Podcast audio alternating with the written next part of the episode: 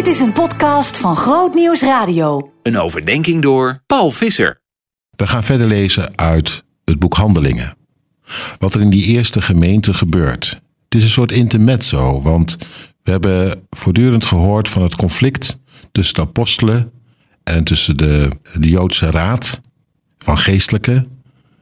Dat lijkt nu enigszins uh, tot rust gekomen te zijn. En nu wordt even weer de blik gericht op wat er intern binnen de gemeente gebeurt.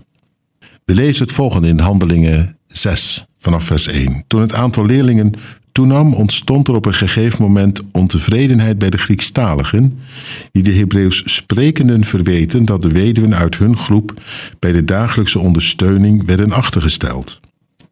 Daarop riepen de twaalf apostelen de voltallige gemeenschap van leerlingen bijeen en zeiden: Het is niet goed dat wij de zorg dragen voor de gemeenschappelijke maaltijden, want daardoor verwaarlozen we de verkondiging van Gods woord.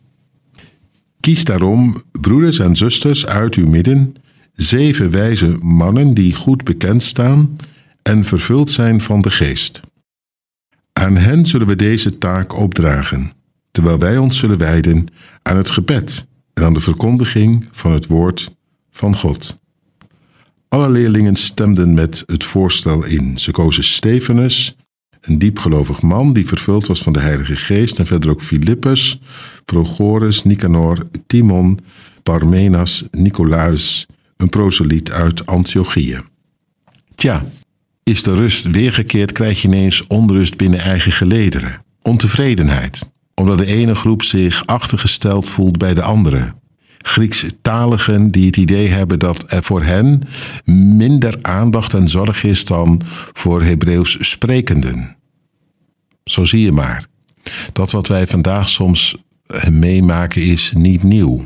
Mensen van buiten, van een andere achtergrond, een andere cultuur, kunnen zomaar de ervaring opdoen dat er voor hen minder oog en oor is dan voor eigen volk, zo gezegd. Of het idee van eigen volk eerst. Nou ja, het discriminerende zit ons blijkbaar als vanzelf soms in het bloed. En het duikt dus ook op in uh, die eerste gemeente. Je hebt nu eenmaal gewoon iets meer met de mensen met wie je vertrouwd bent dan met de mensen die je wat vreemder zijn. Zo werkt het. Maar, dat is het mooie, de apostelen laten het er niet bij zitten. Ze zeggen niet, ja, zo is het nu eenmaal, het is niet anders, we zullen een oogje in het zeil houden. Nee, ze nemen bewust maatregelen. Ze gaan ervoor dat ieder op een gelijke wijze wordt behandeld. En dat doen ze vanuit geloof. Vanuit de wetenschap dat er voor Christus geen verschil is tussen de een en de ander. Het zou ook wel heel raar zijn, een Hebreeuws sprekende of een Grieks talige. Ze zijn hem natuurlijk allemaal even lief. Goed om dat mee te nemen. Ook nu, naar vandaag. Wij maken soms op een vreemde manier ongemerkt, onbewust, als vanzelf onderscheid tussen de een en de ander. Het kan, zo beseffen de apostelen, voor Christus niet bestaan. Het is niet in lijn met zijn geest. Vandaar die maatregel om diakenen aan te stellen, zo wordt het hier genoemd. Mensen die de een en de ander volop, voluit van dienst kunnen zijn, zodat de apostelen zich kunnen blijven wijden aan de verkondiging van het woord en aan het gebed.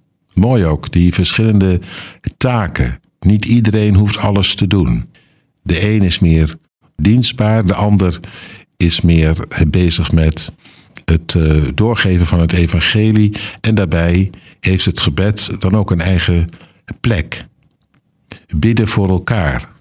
Je hoeft niet per se een diaken te zijn of een apostel. Je mag ook een bidder wezen. Ik vind dat mooi. Ik licht dat er toch even uit. Geweldige gave natuurlijk. Als je dat doet, volhoudt in stilte, daar zou wel eens een enorme zegen van uit kunnen gaan. Waardoor ontevredenheid in de gemeente geen eigen leven kan leiden.